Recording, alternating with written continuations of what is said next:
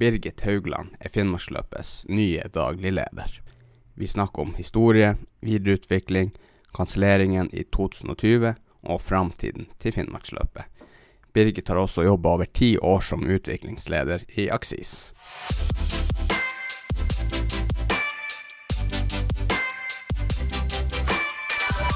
Velkommen. Takk. Hvordan eh, Har du hatt noe norgesferie? Ja, det har blitt norgesferie i år også. Ja. Vi har eh, stort sett alltid norgesferie på sommeren. Jeg syns Norge er fantastisk på sommeren, så ja. Det, står, eh, står, det er veldig bra å ha ferie. Mm. ja. Har det vært nord eller sør? Begge deler.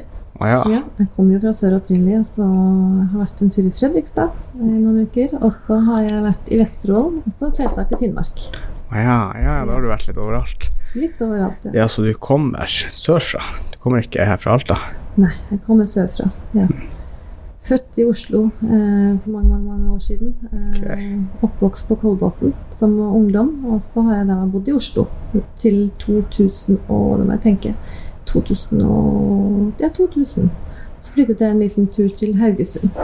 Og så var det der i fem år før vi fant ut at eh, Finnmark var jo stedet vi ønsket å bo.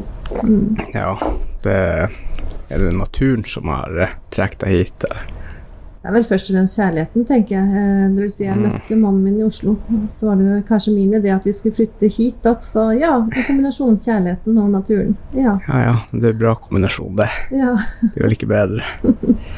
Ja, hvor eh, Når du begynte, eller var i Oslo, had, hva du gjorde der nede, da? I Oslo så, så tok jeg utdanning. Jeg tok jo IT-utdanning den tiden. Eh, Det er jo ganske mange år siden. Eh, Så jeg jobbet mye i IT-bransjen. Med salg, markedsføring. Um, Ja, egentlig. Alle årene jeg bodde i Oslo. egentlig. Og det samme gjelder Jeg tok jo med meg jobben til Haugesund jeg flyttet dit. Da jobbet jeg også med IT-biten. Og faktisk den første delen av eh, tiden jeg jobbet her i Finnmark også. Mm. Ja. Så det er på en måte min bakgrunn da, innenfor salg. ja. Hvordan var det når man eh, tok utdanning? Der var det liksom eh, Var det store for Nei, fremtidsutsikter for IT-bransjen? Var det mye hype rundt det akkurat når utdanningen var, eller var det blitt normalisert, alt det her datamaskinene og IT, Rett var? før så var det litt hypa. Ja. Ja, men akkurat når jeg var ferdig eh, med utdanningen, så var det skikkelig down-periode. Da Var det det? veldig vanskelig å få seg. Jeg vet veldig mange av mine eh, studiekamerater, de, eh, de fikk ikke jobb, rett og slett. Nei. Eh, Jeg var jo heldig. Jeg fikk lov til Jeg jobbet på linjegods på den tiden der, så jeg drev og pakka faktura på en svær fakturamaskin, og de hadde heldigvis et vikariat på driftsavdelingen sin. Nå er jeg ferdig, så det var min start på IT-karrieren da. Så jeg var heldig i hvert fall å få lov til å begynne. Mm. Mm. Var det ikke da den der IT-bobla sprakk? Ja, var ikke det rundt da? Stemmer. Ja, det var rundt 90-tallet. Ja. Mm. Og da var det vel ikke så lett å få Nei, seg Jeg tror det var mange som sleit den tiden der. Ja. Ja. Det tok jo seg litt opp igjen også, så det var jo Men det er klart, det har jo aldri vært den høyden som det var, tror jeg. Mm. Nei, jeg har nå egentlig bare overlevd Nei, jeg har bare vært med på én krise i mitt liv, og det er den her koronagreia, Ja, ikke egentlig. sant? Var, varte den lenger, her IT-bobla, eller var Det det var lange tid tilbake. Ja, det var jo det. Jeg minst å huske at eh, både eh, huslånrenta og alt steg jo vanvittig på den tiden, og de fleste hadde jo eh, ikke råd og, til å investere. Ja. Så jeg tenker at eh, det var nok ille. Jeg var jo ganske ung på den tiden, så jeg fikk det ikke helt på kroppen. Jeg hadde ikke kommet dit hen at jeg hadde kjøpt meg eh, hus og, og satt i dyp gjeld, så jeg, jeg merka det ikke på samme måten tror jeg, som veldig mange andre gjorde. Mm. Mm, Men jeg, jeg ser jo at det var veldig mange som sleit med å få seg jobb.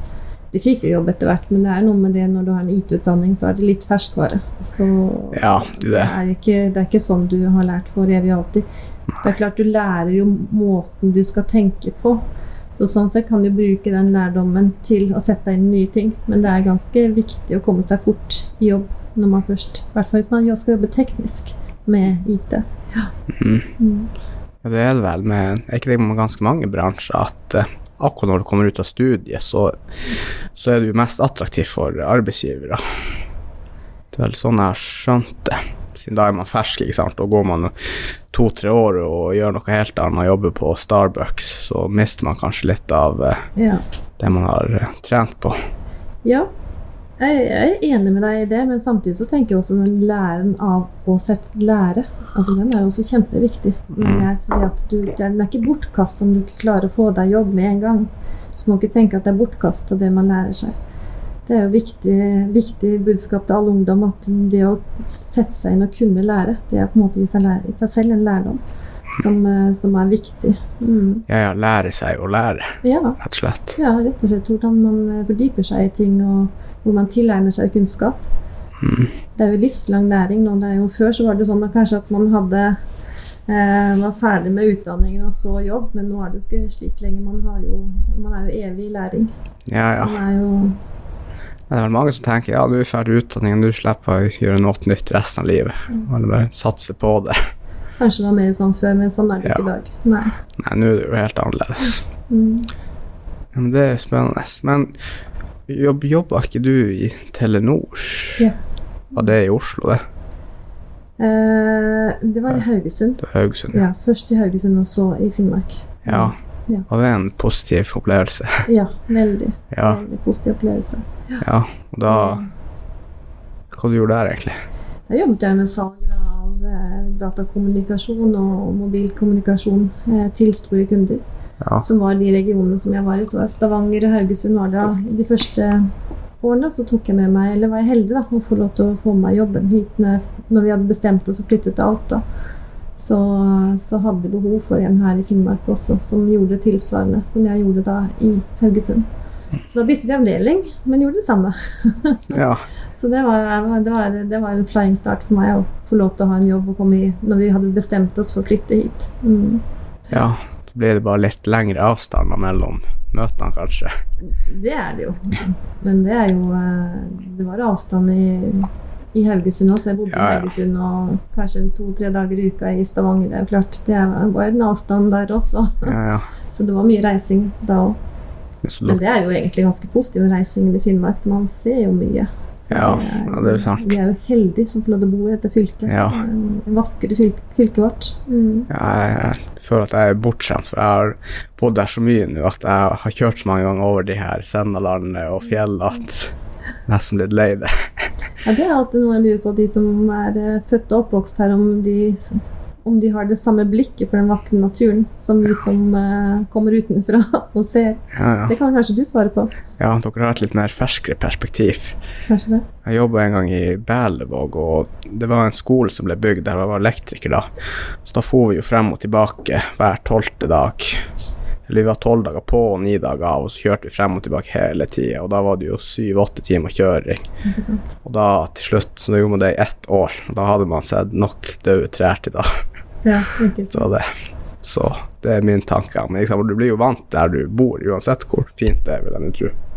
Men jeg også opplever at eh, finnmarkinger verdsetter naturen man har. Det er veldig friluftslivsinteresse blant alle Det det. å være ute. Det er ikke veldig mange på storsenteret en finværsdag i, i april. Eller for den saks det- skyld på høsten, når jakta har starta. Det er ikke Ja. mange.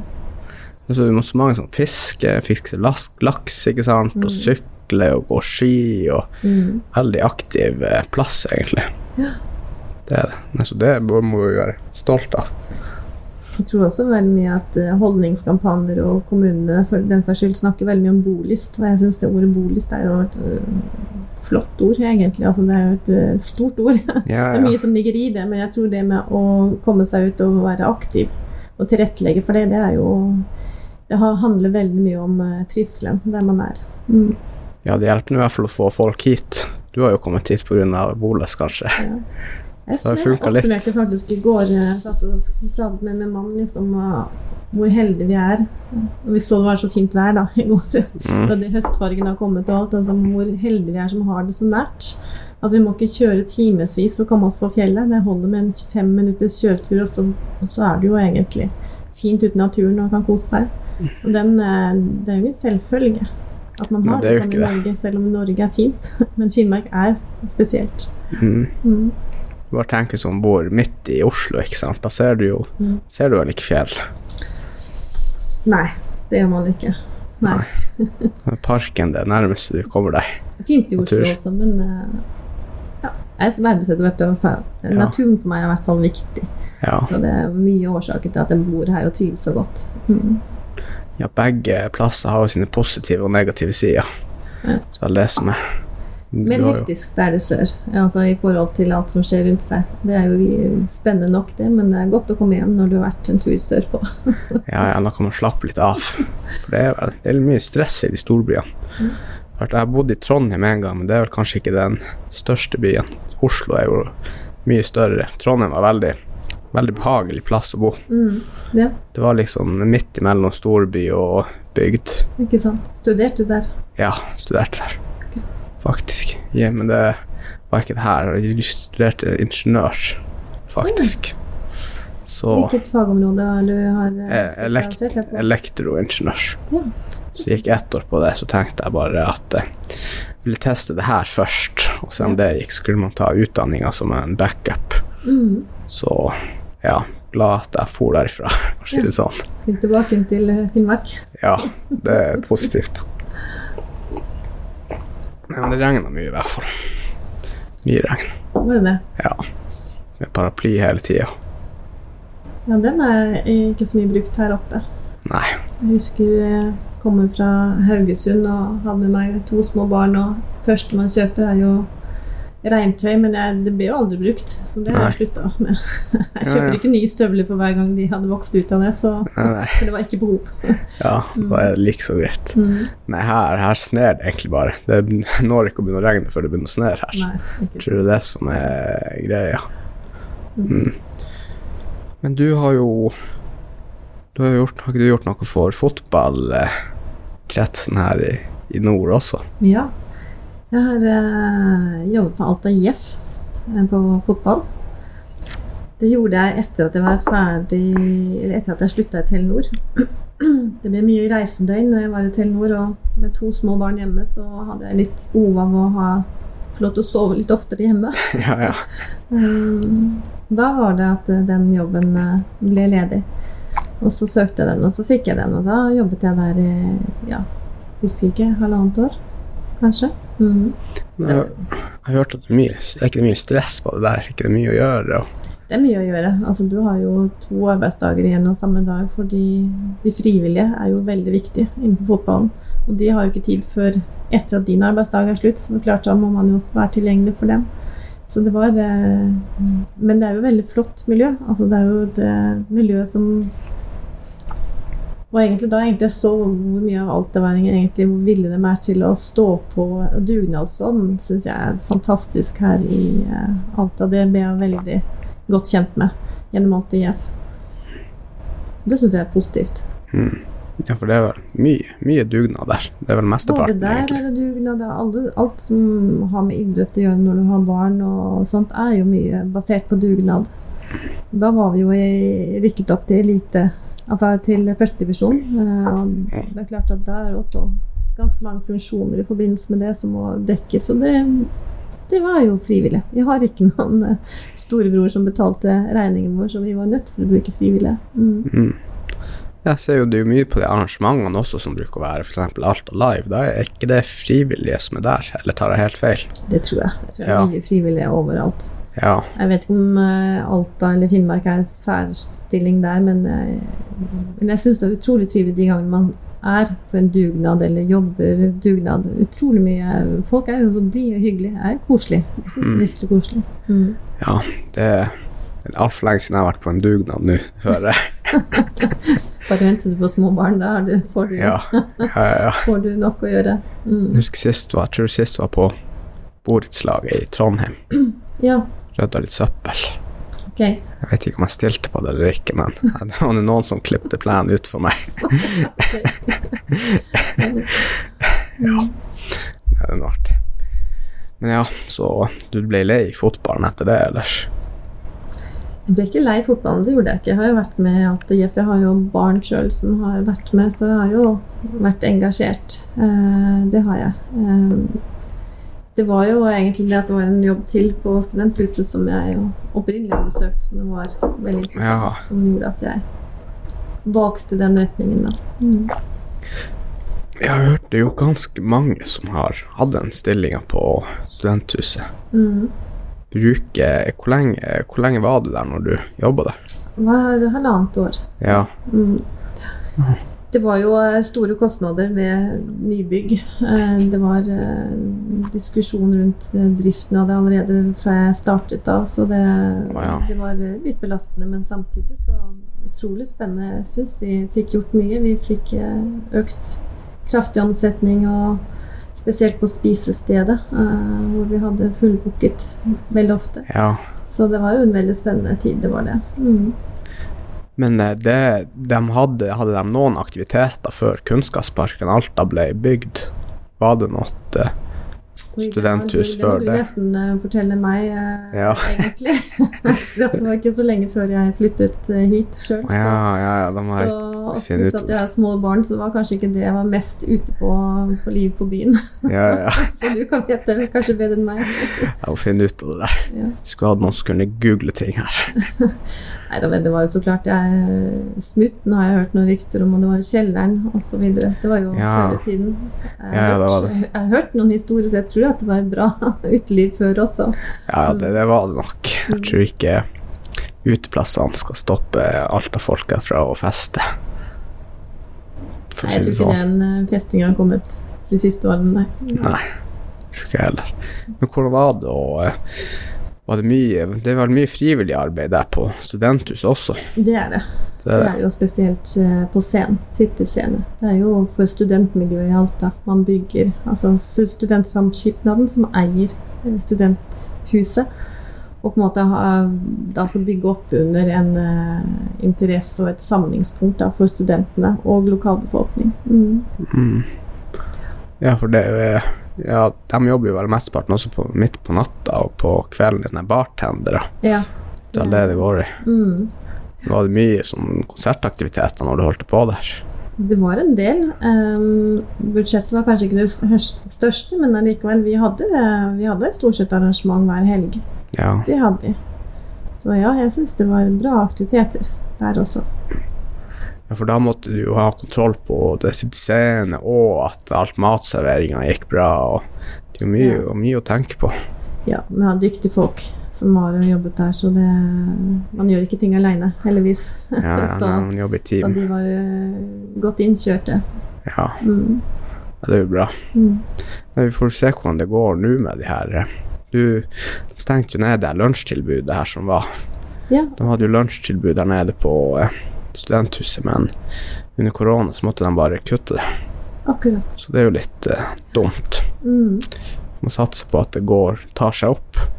Det, det må jo komme en tid etter korona også, så jeg vil ikke tro annet enn at det må gå rett veien etter hvert. Vi får håpe på gode nyheter snart. Ja, ja, det er det som er. Man har, man har ikke peiling når det skjer. Nei, Det kan jo ta et år eller to, og da er det plutselig ikke så mye igjen. får ikke håpe det tar så lang tid. Jeg håper Nei. Ja, ja. nyheter lenge før den Man må ha, være positiv, Mm. optimistisk, det han Ja, det er man nødt for. Det er, Ja. det er man nødt for. Det er en veldig spesiell tid på alle Ja, måter. det er Men vi er nok en gang heldige for oss å bo i Finnmark, som har så lite smitte. Ja, Så eh, vi får bare håpe at det fortsetter sånn, og at det snart kommer en løsning. Mm. ja, ja. Jo ikke gjøre noe annet. Mm. Håpe på det beste. Og eh, du har jo etter Har ikke du jobba i Aksis også Ja. i noen år? Jeg har vært eh, nesten elleve år i Aksis. Ja. Mm. Da har du god erfaring derfra. ja, det er akkurat eh, Ja. Så Aksis, hva er egentlig det i et nøtteskall? Hvis du ikke forklarte det enkelt og greit. Det er ikke så lett å forklare det enkelt, men eh, Det er komplisert. Det er um, inkludering av arbeidslivsbedrift. Altså vi jobber med å få folk i eller tilbake i arbeid. Det handler rett og slett om at folk blir syke, eh, trenger å avklare seg i forhold til at de kanskje må gå på annet yrkesvalg man har hatt. Kanskje noen er usikker på hva man skal bli. Er man ungdom og på en måte sliter litt med å finne veien, så kan det være karriereveiledning for å finne rette veien, eller man eh, man tester ut interesser i forhold til yrkesvalg for at man lettere skal nå målet om arbeid. Så målet vårt var jo på en måte å få enten folk tilbake til skolebenken, eller få folk i ordinært arbeid. Så det var på en måte hovedmålet vårt. For vi vet jo det at eh, er man i aktivitet eller har man jobb, har man en studieplass, så har man også ofte større livskvalitet.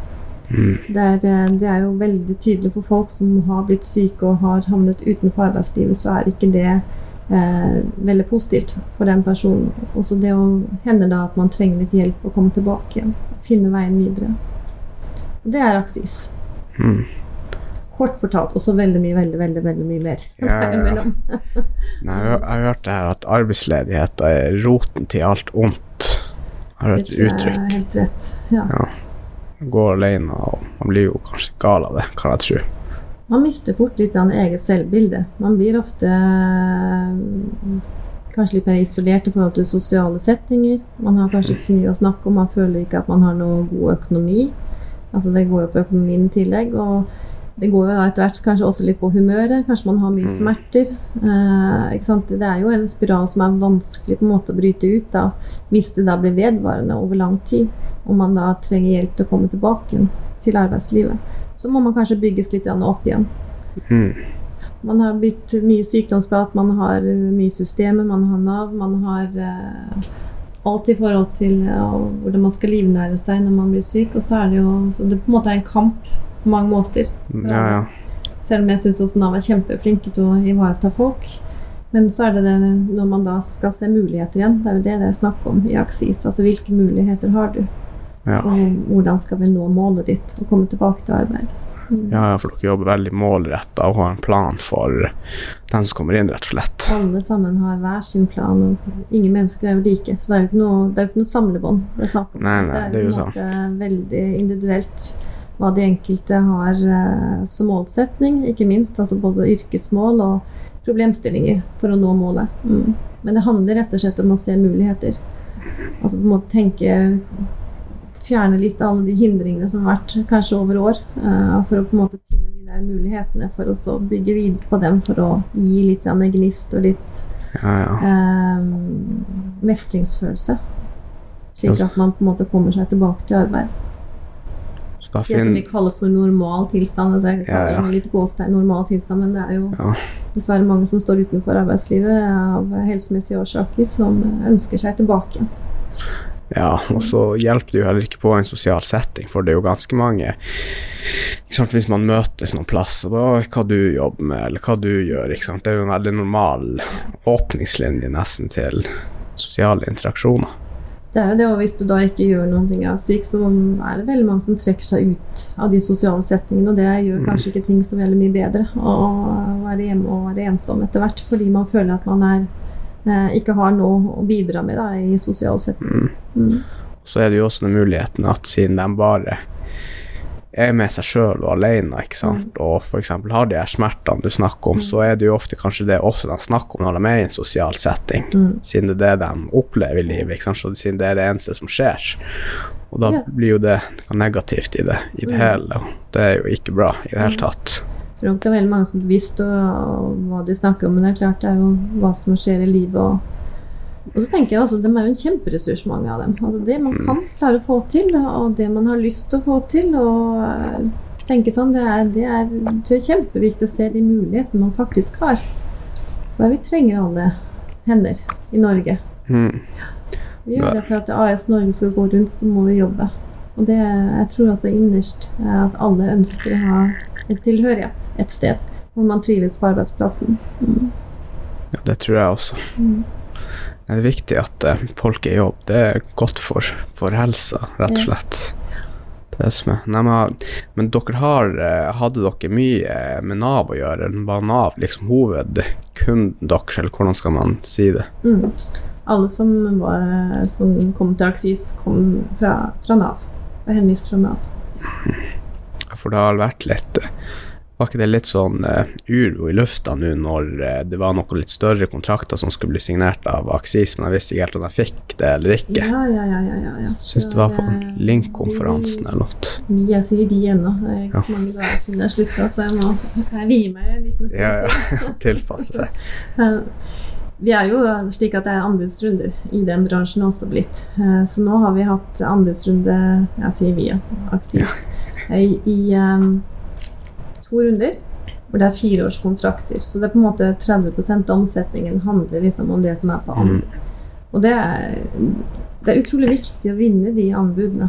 Fordi at det handler om kompetansen. Det er ikke sånn at det kommer et nytt anbud om, om 14 dager igjen, og så, og så vinner vi kanskje det. For at taper man et sånt anbud, så kan man også tape eh, flere ansatte. Det er jo kompetanse som er viktig. For i en sånn bransje så er det jo den tverrfagligheten som er viktig. Altså Du har eh, ikke bare sykepleiere eller bare psykologer eller bare lærere, men du har på en måte hele yrkesspekteret bak. eh, For at du på en måte skal vei, kunne veilede folk inn i det yrkesvalget de har. Mm. Sånn at du har litt kjennskap til den næringen. Så jo Det er utrolig viktig med kompetansen som ligger bak. Og det er kanskje ikke så synlig bestandig for folk rundt hva vi holder på med. Jeg sier vi igjen. Aksis holder på med. Men eh, det er utrolig viktig med den eh, tverrfagligheten, og da er alle ansattes eh, kompetanse svært viktig. Så derfor så er det viktig at man beholder anbudene også, slik at man beholder kompetansen i bedriften. Mm. Så det er, eh, det er mye jobb hver gang de har vært her. Sånn år i forveien så begynner man å jobbe med de anbudene. Ja, da er det jo høyt prioritert, i hvert fall. Veldig høy prioritet. Så nå er, vi jo, nå er jeg jo heldig f- vunnet det ene og jobber med det andre, vært underleverandør på det andre igjen. Det handler mye om pris, og det handler om eh, Ja, det handler om mange ting. Men vi er med og kjemper hele tiden, og vi har vunnet mye så langt. Mm. Hvordan, er det, hvordan konkurrenter er det dere da hadde eh, bydd mot? Det er store nasjonale konkurrenter. På lik linje. Det er ikke bare konkurrenter i Finnmark. Jeg tror vel ikke Nå er det jo hemmelig hvem som har levert inn, det, det vet jo ikke jeg. Men det er Ja. få i Finnmark som har levert inn eh, på de anbudene som vi leverte. Så det er nasjonale, store selskap som er inne og leverer. Så da hvis et annet selskap hadde vunnet det, hadde det vært sannsynlig hvis f.eks. Aksis hadde gått under her i Alta, da hadde det kanskje ikke vært et tilbud i det hele tatt. Vi har jo også en del som uh, heter skjermet sektor, som på en måte at man må være forhåndsgodkjent for den andre Altså det er flere tiltak innenfor i forhold til flere målgrupper. Så vi har jo noe her uansett. Det har vi. Så vi går jeg tror ikke Ja, okay. Aksis går uh, under, det tror jeg ikke. Men Ja. uh, det har noe med det også Ja, men den kompetansen, ja. i forhold Stemmer. til de tiltakene som ligger der, at man er foroverlent. Og det er jo Aksis. De er jo veldig veldig eh, langt foran, veldig ofte innenfor fagområdet sitt.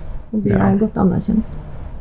Men da, ja, for da Det viktigste er jo å finne at eh, Eller finne ut hva folk har lyst å gjøre med livet. Det er vel kanskje det som er hovedsakelig jobben. Da bare få, få folk til å finne ut hva de har lyst til å gjøre. For når de finner ut hva de har lyst til å gjøre, så får de den lille gnisten, og da blir det kanskje lettere å gjøre ting etter det. Det det er, der har du et kjempegodt poeng, fordi at uh, yrkesmålet, som jeg snakker mye om, det er ikke alle som har det klart for seg hva det er. Og det er klart Hvis man går og famler litt på hva det er, så er det vanskelig på en måte å finne retning også. Så det er klart yrkesmålet er uh, en vesentlig del. Og det er ikke alle som vet hva det er. Nei. Mm.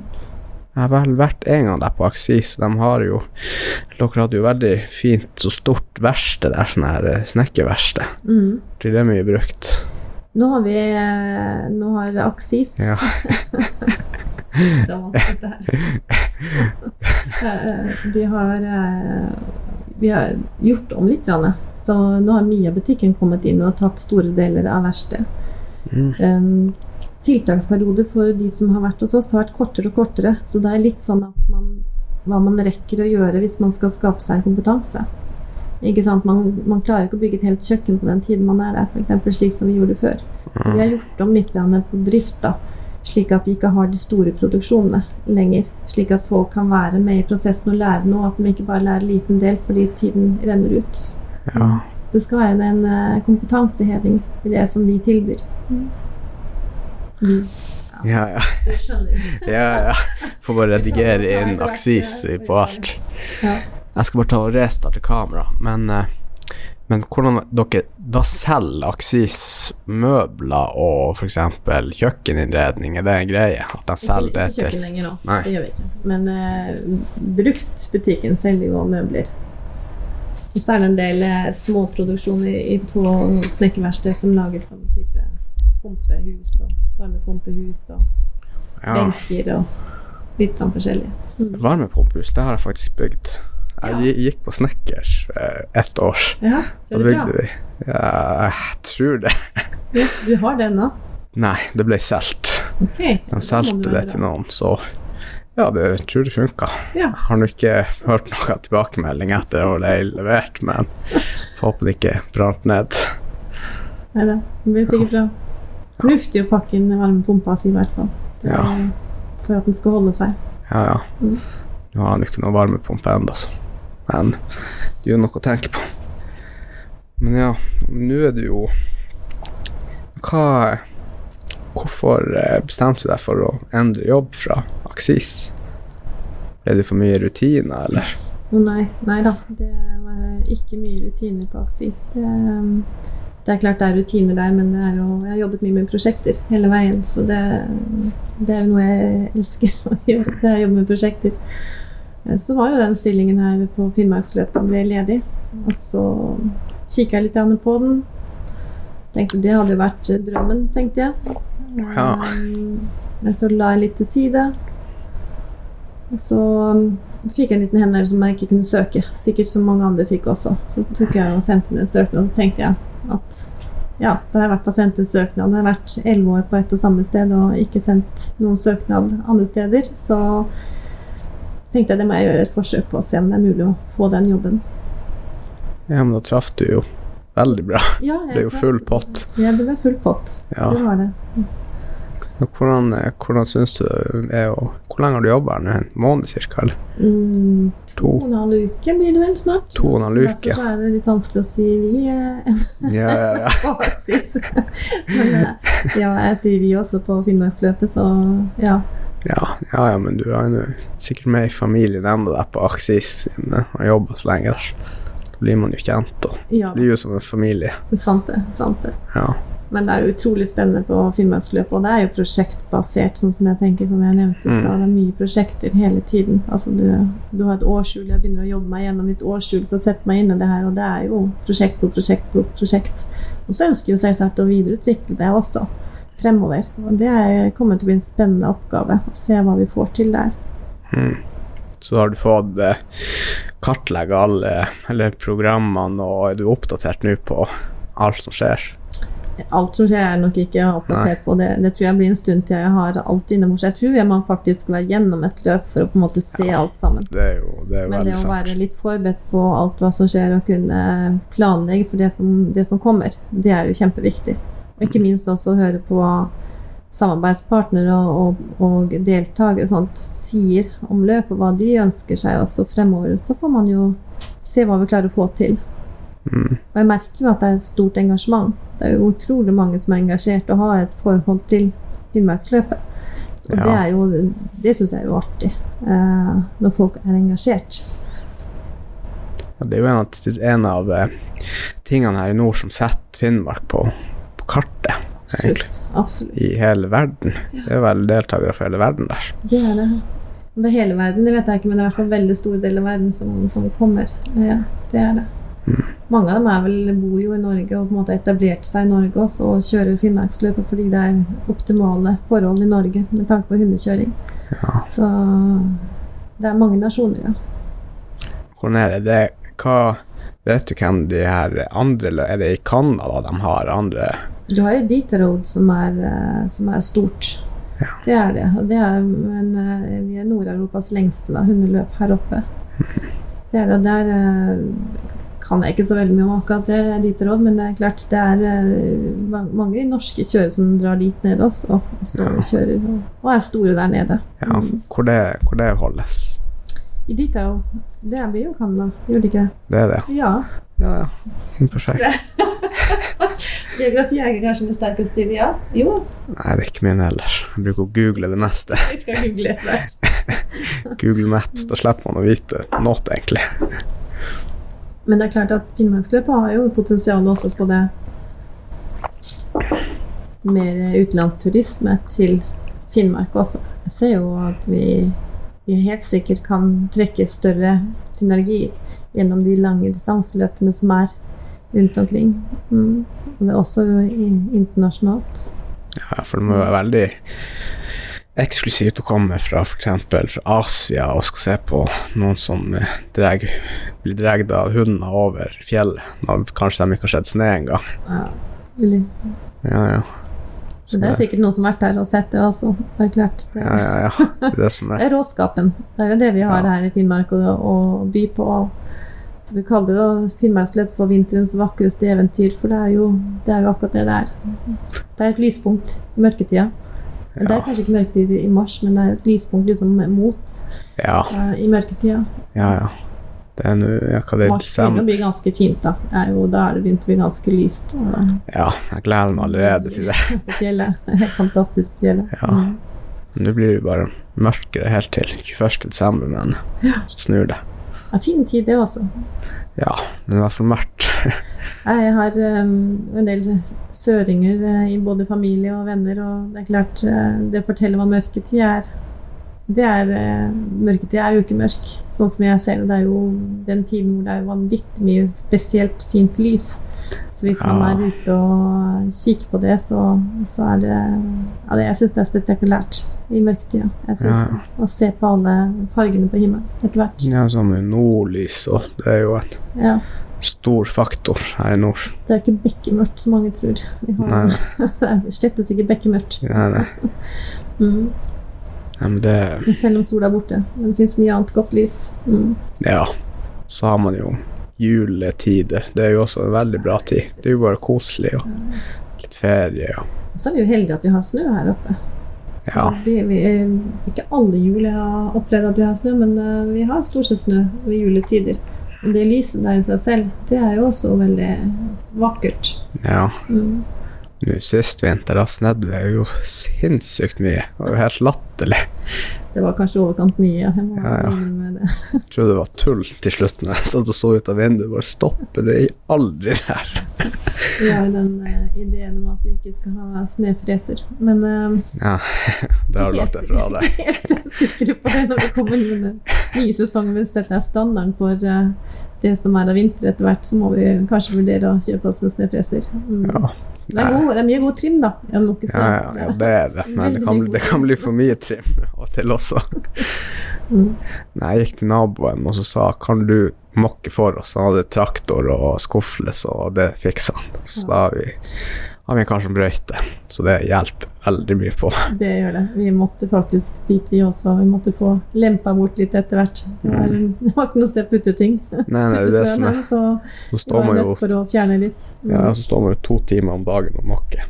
Men det ble mange fine bilder. Jeg liker å ta litt bilder og sånt. Oh, ja. Det ble veldig mange fine bilder når snøkanten var like høy som meg, og snøhula kunne gå rett inn i, og Ja, ja, ja. sånne ting. ja, ja. Det er det man gjør ut av det. Ja, ja må, man kan jo ikke annet enn å Altså, man får ikke gjort noe med det. Man må bare akseptere det. akseptere det. Bygge en iglo. Så jeg håper jo neste vinter at det blir snø, men ikke at det blir passe med snø. Det kunne vært. Det er bra. Snø er bra. Men Ja. passe med snø. Ja. Men nå, sist Finnmarksløp, så ble det jo kanskje litt dramatisk, siden det ble kansellert midt under eh, Var det mot slutten, kanskje? Det var vel Det var vel den tolvte det var slutten, det var slutten av det lengste løpet. Mm. Ja, ja, stemmer. 600 kom inn, og junior kom inn. Men, Mm. eh, men det lengste løpet, der eh, ble det ikke kåret noen vinner. Nei. Nei, for ingen Man fikk ikke noen medaljer basert på hvor langt du var akkurat der. Det blir jo kanskje litt feil, siden mye endrer seg jo. Ja da, ikke sant. Det er taktikk og når du har tatt ut hviletider og sånne ting. Så på en måte det har jo ikke så veldig mye med sluttresultatet å gjøre. Det har ikke det. Så det var trist for de som var ute i løypa, som kjempet om å vinne. Uh, vi prøvde jo å legge inn, i altså, målgang til litt utenfor sentrum hvis det var, folkemengden var, men det var ikke Det ble ikke godkjent. For ikke, vi fikk ikke noen dispensasjon eller unntak Ja. i forhold til det. Sett etter til det er sikkert eh, fornuftig, den beslutningen som er tatt, men det er klart det er jo eh, ingen morsom situasjon at ting blir stoppet. Det er det ikke. Så det må vi sørge for at det ikke skjer igjen. Ja, ja. Mm. Men har du eh, Hvordan, eh, hvordan ser det ut til neste år, da? Foreløpig så jobber vi som at det blir et normalt renn neste år. Vi er, har jo allerede tatt kontakt med kommuneoverlegene. Vi har jo mange kommuner vi skal snakke med. Vi begynner i Alta først, for at vi på en måte skal eh, legge de retningslinjer da, som er i forhold til koronasituasjonen. Slik at vi skal eh, selvsagt gjøre et trygt løp, også for de som ser på og eh, de som deltar, og alle frivillige. Så vi må bare forholde oss til de retningslinjer vi får. Men vi, vi satser for at det blir et løp. Det er jo lenge til mars ennå. Som jeg har sagt, jeg håper på gode, gode svar på vaksiner og sånt snart. Selv om jeg kanskje ikke tror at alle er vaksinert til mars. Det tror jeg vel ikke. Nei. Men uh, at vi forhåpentligvis har bedre kontroll på situasjonen, det, det er en, uh, håper jeg. Ja, det har jo begynt å åpne litt allerede. Man har jo arrangementer nå, og jeg vil tro at det er enkelt å holde énmetersregelen oppe på Finnmarksvidda, for der er det jo noen kilometer På Finnmarksvidda tror jeg ikke det er noe problem i det hele tatt. Der tror jeg det er kanskje det minste problemet. Det er vel kanskje de folkemengdene Ja, som, som, som møter opp når eh, både start og, målgang, Mm. blant annet. Og så har vi jo eh, arrangementer rundt omkring på sjekkpunktene også. Det er klart at det er alle Vi må jo bare passe på at vi har smittevernreglene intakte alle steder hvor vi er, da. Slik at vi ikke vil ta med oss smitte. Mm. For det er jo mange frivillige på Finnmarksløpet også. Veldig mye.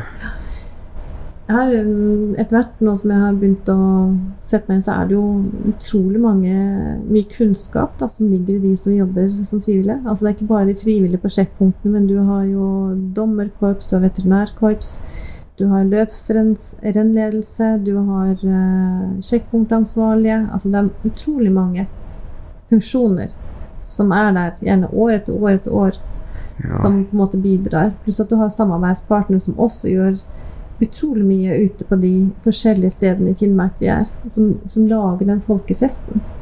Og det er Jeg skal en liten rundtur nå både til øst og vest, holdt jeg på å si, i Finnmark. eh, I alle sjekkpunktene, og da snakke med alle stedene. Og det, det gleder jeg meg veldig, veldig til. Mm. Er det, er det mange sånne checkpoints? Det er vel eh, tolv vi har til sammen. Mm, Noen små, noen store. Ja. Ja, For der ja, er er det alt Alta bare der i tillegg. Alta kommer jo i tillegg også. Mm. Ja. For det er bare Der får de spist og sove og massasje og motivasjon. Er det som er Massasje vet jeg ikke om det er, men det, det må handle i noen tilfeller. Ja. Men eh, bikkjene får kanskje det. um, ja, det er mye som skal til. Det er mange detaljer. Det er ekstremt mange detaljer som er, må være for at det skal bli vellykket. Det, det er jo det som gjør det så fascinerende. Så Det er derfor man sier det ofte at man trenger kanskje et år på seg før man er innkjørt til hva som faktisk skjer. Så Ja. Man må på en måte se det litt. For man får vite alt hva som skjer. Og allikevel så tror jeg ikke man vet alt heller. Mm. Nei. Men har du, har du lyst til å gjøre det sjøl? Å kjøre i- Ja. Det hadde sikkert vært veldig artig. Jeg, ikke noe, jeg kommer nok ikke til å kjøpe Altså kommer ikke til å begynne hundekjøring, det tror jeg ikke. Jeg tror jeg holder meg til den eh, lille Jack Russell-terrieren jeg har. Ja. Eh, Det tror jeg ikke lar seg kombinere med den jobben jeg har. ja. Det, det krever vanvittig tid. Så det er eh, de som er løpskjørere og som, som driver med hund, det tar mye ressurser. Og sikkert et fantastisk liv. Det, det er et fascinerende liv de lever. Men det er jo en livsstil. Kanskje like mye som det er en hobby. Mm. ja, det er jo en fulltidsjobb, i hvert fall. for de som har mange hunder, så er det fulltidsjobb. ja. Ja. Mm. Jeg husker på Link-konferansen, da var det jo en ung jente som var der og fortalte litt historier om løp, og hvor gammel Jeg vet ikke hvor gammel hun var, hun var 12-14-15 år. Mm. Mm. Det hørtes jo helt sinnssykt ut. Hun for over fjellet alene, og det var ingen problem. Ikke sant. Så det er ganske tøft gjort. Vi har jo et eget løp også for juniorer, og det, det er vel en rundt en eh, 15 som kjører, tenker jeg. Det er noen pluss-minus. Mm. Og det er jo veldig bra med tanke på rekruttering også, at, det er, at den kommende generasjon også uh, syns det er gøy å kjøre hund. Så eh, jeg heier på alle ungdommer som kjører. Kanskje enda flere burde kjørt.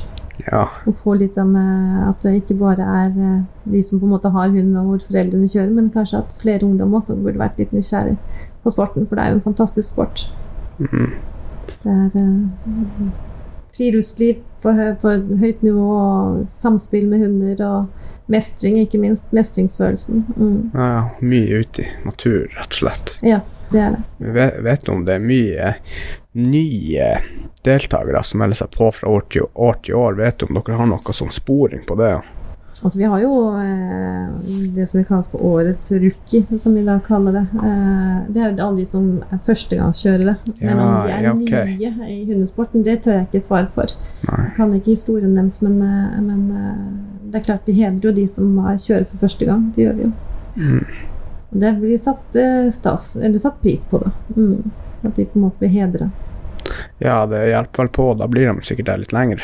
Ja, jeg håper det. Da Så sprer de ryktet. må ta godt vare på alle deltakerne, og at de føler seg velkommen, og at de blir verdsatt og sett. Det tror jeg er viktig. Mm. Men er, er det en dyr sport? Tenk på en hund. Koster ikke en hund 10 000-20 000 plutselig? Innkjøpsverdien av hund tror jeg på en måte er eh, Det er ikke der den store kostnaden er. Jeg tror det er i mat og utstyr og dyreleger, leger, vaksinering, ja, Så da, transport. Altså, da er det jo ha plutselig- egen bil for å ha dem med. Ja, ikke sant? Klart, ja. Skal du sleder? Det er en dyr sport. Det, er, Ja. det, det tror jeg man kan si. er Men jeg, kan ikke, jeg vet ikke eksakt hvor mye penger de bruker per år i forhold til andre, men det er flere av dem som har egne private sponsorer for å klare seg. Mm. Ja. Så at de skal kunne kjøre, gjøre det til en eh, litt mer enn en hobby, da. Mm. Man er avhengig av sponsorer for å få det til. Mm. For nå har dere vel ganske mange sponsorer nå, selve Finnmarksløpet. Ja, vi har mange sponsorer, det har vi. Ja. Mm. Hvordan Vi kaller ikke et sponsor, vi kaller det en samarbeidspartner, egentlig. For det er Ja. egentlig det som er eh, Vi er ikke der bare for å få pengene. Det må være det, det er en link at vi da har gjensidig nytte av hverandre også. At vi har et engasjement inn. Og det opplever jeg nå med de samarbeidspartnerne vi har, at det er et engasjement inn for å på en måte videreutvikle Finnmarksløpet. ja, Så det er, ikke bare, det er ikke bare penger og Det er klart det er det også. Vi, vi, Ja. vi, vi trenger penger vi også for å overleve, men eh, det er eh, samarbeidspartnere som sier, og vi har ofte mye mer enn bare en penge. eh, Altså, det er mye mer som ligger i det enn bare penger. Mm. mm. Ja, for dere vil egentlig ha folk som Jeg vil videreutvikle det og få det Ja. best mulig, Ja, uansett. absolutt. Ja. Hvordan, men føler, er det, Har dere egentlig nok sponsorer, eller er det noen gang Eller du har jo ikke vært så altfor lenge, men er det har du, er femmene ut på møter for å møte bedrifter og si hei, vi har lyst til å Har dere lyst til å sponse Finnmarksløpet? Det er Mm. liksom det som er greia. Ja, det, det gjør vi også. Altså, Ja. Vi går ut og finner nye samarbeidspartnere. Det gjør vi he hele tiden, for det er jo utrolig stort potensial i Finnmarksløpet. Til utvikling. Husk at vi er, det er ikke bare hundeløpet. Det er jo alle de arrangementene som ligger den folkefesten som ligger i stedene vi kommer til. Der er på en måte uenighet uendelighet hva vi kan få til. Pluss at vi også kan sette Finnmark mer på reiselivskartet for internasjonal reisevirksomhet. Ikke sant? Det er mange, mange muligheter vi har til å videreutvikle eh, løpet. Så, det, så vi kommer ikke til å bli ferdig med å utvikle det. Da, da tror jeg interessen eh, daler, hvis man ikke, hvis man ikke tenker nytt. Mm. Så eh, ja, vi er alltid på jakt etter penger for å gjøre Ja, ja. mer tilbake igjen til Finnmark. Altså ikke for at vi skal bli rike, men for at vi skal legge det tilbake igjen til det løpet er å Ja, skape den arenaen for den folkefesten. Mm. Har dere nå noen sånne maks antall deltakere som kan være med på løpet? Eh, det har vi vel eh, Det er jo en grense. Hva den er, det er jeg ikke helt sikker på. Men, eh, men det er klart, sjekkpunktene og sånt eh, skal jo også klare å ta imot alle sammen som kommer inn.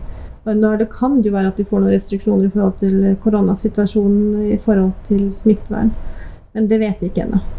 Den eh, dialogen skal jeg ha med kommuneoverlegen eh, i tiden fremover. Mm. Ja, ja. Mm. Så er det noe Men er, har dere lyst til å gjøre det større, det løpet, eller har dere lyst til å holde det litt sånn eksklusivt og ikke ha så sinnssykt mange som kan komme på, eller? Gjort Det er ingen tanker? diskusjon jeg har hørt om per nå. Det, det har jeg ikke. Altså, så klart, er du hundekjører, du må jo på en måte kvalifisere deg. Du må jo vite at du har muligheten til å kjøre et løp. Alle starter jo ikke på startstreken hvis de ikke har trent. Nei. Så det er klart at er du kvalifisert for å kunne kjøre et hundeløp, så har jo ikke vi lyst til å si nei til det. Nei, nei, selvfølgelig. Mm. Det, det genererer jo veldig mye Ja. entusiasme rundt når det stiller noen til start. Ja, Det ja. gjør det. Alle som stiller til start, må man heie på. Mm. For jeg tenkte ikke på det før, at det blir jo egentlig en liten folkefest der og på, gjennom alle kommuner der det er checkpoint. For Ja. der kommer jo folk, og de skal se det og synes det er spennende, og det skaper igjen ringvirkninger, og de jo handler der og bruker sånne her turistfasiliteter. Vi har jo en eh, veldig god samarbeidspartner i Sparebanken, og de har jo nå gitt oss en prosjektstilling. Treårig prosjektstilling som Kaja, Kaja hos oss Ja, her, som har med arrangement å gjøre. Og det handler jo om hele Finnmark, dersom vi er på de sjekkpunktene, store sjekkpunktene vi er der ute. Mm. For å skape den folkefesten. At det får litt mer ringvirkninger utover. Slik at vi alle steder kommer til å se potensialet på en måte skape en aktivitet, og kanskje komme med sine aktiviteter også Ja. inn i de vår aktivitet som gjør at, at, hele, at det blir større. Det er jo sånn det har vært i Alta med Borales festival. Ja, ja, ja. Ikke sant? At det er mange aktiviteter som, som, som kommer til, slik at det på en måte blir en, en stor folkefest ut av det. Mm. Mm. Og Det tror jeg mange steder har fått til, men jeg tenker at det er godt potensial til å få det enda større. Og det er det vi skal jobbe med spesielt. Ja, ja. Mm. Men det må jo være ganske Dere er jo ganske fersk crew, da, egentlig. Ja, vi er to av to nye, jeg og Kaja er Mm. Men så har du May-Britt og Trond Anton, som har Mm. vært der i snart ti år begge to. Det er jo en trygghet. De er Ja. kjempedyktige, så uh, veldig godt å ha de på laget. Ja, det hjelper meg på. Det kan jeg virkelig tro. Jeg spør og graver mye. Jeg tror bare Ja, jeg har mange spørsmål hver eneste dag. Mm. Ja. det er det som er jobben din. Mm. Så da er det bare å spørre. ja. Og så vil jeg, skulle jeg også spørre deg Har du noen tips til noen som ønsker å få drømmejobben som du har fått nå? Altså satse på å gjøre det stort. Oi. ehm, drømmejobben er, altså, drømmejobb er jo Ja. veldig individuelt. Ja, ja. Man må vite litt hva er, hva er det man trives med sjøl. Trives man å jobbe hektisk? Trives man å jobbe med prosjekter? Trives man å jobbe eh, kreativt? Altså det jeg tenker når du eh, Drømmejobb, det kan være veldig mye. ja. Um, men nettverk, altså uansett hva slags jobb du har lyst på, så tror jeg at det å ha et godt nettverk rundt seg er viktig. Altså Mm. både de som støtter deg opp hjemme, men også det nettverket innenfor det Altså stort sett egentlig alle kjenner jo alle, men ofte i Alta i hvert fall. ja At du vet å på en måte ha eh, gode kjennskaper til de som jobber med det som du kanskje har lyst til å jobbe med. mm. Og kanskje spørre de litt og få litt uh, informasjon, så man vet, det sikrer seg litt at det kanskje er den drømmejobben man ønsker seg. Mm. Og så jobbe litt målretta mot det. ja. Mm. Ikke vær redd for å spørre, i hvert fall. Ikke være redd for å spørre, det tror jeg er helt, helt klart. Være litt nysgjerrig, det det er en god egenskap. Ja, ja. Mm.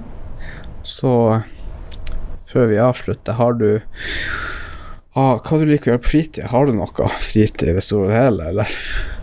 Ja, men det er ungene det går i, kan jeg tenke meg. Og fotball. ungene har blitt ungdommer. Eh, Ah.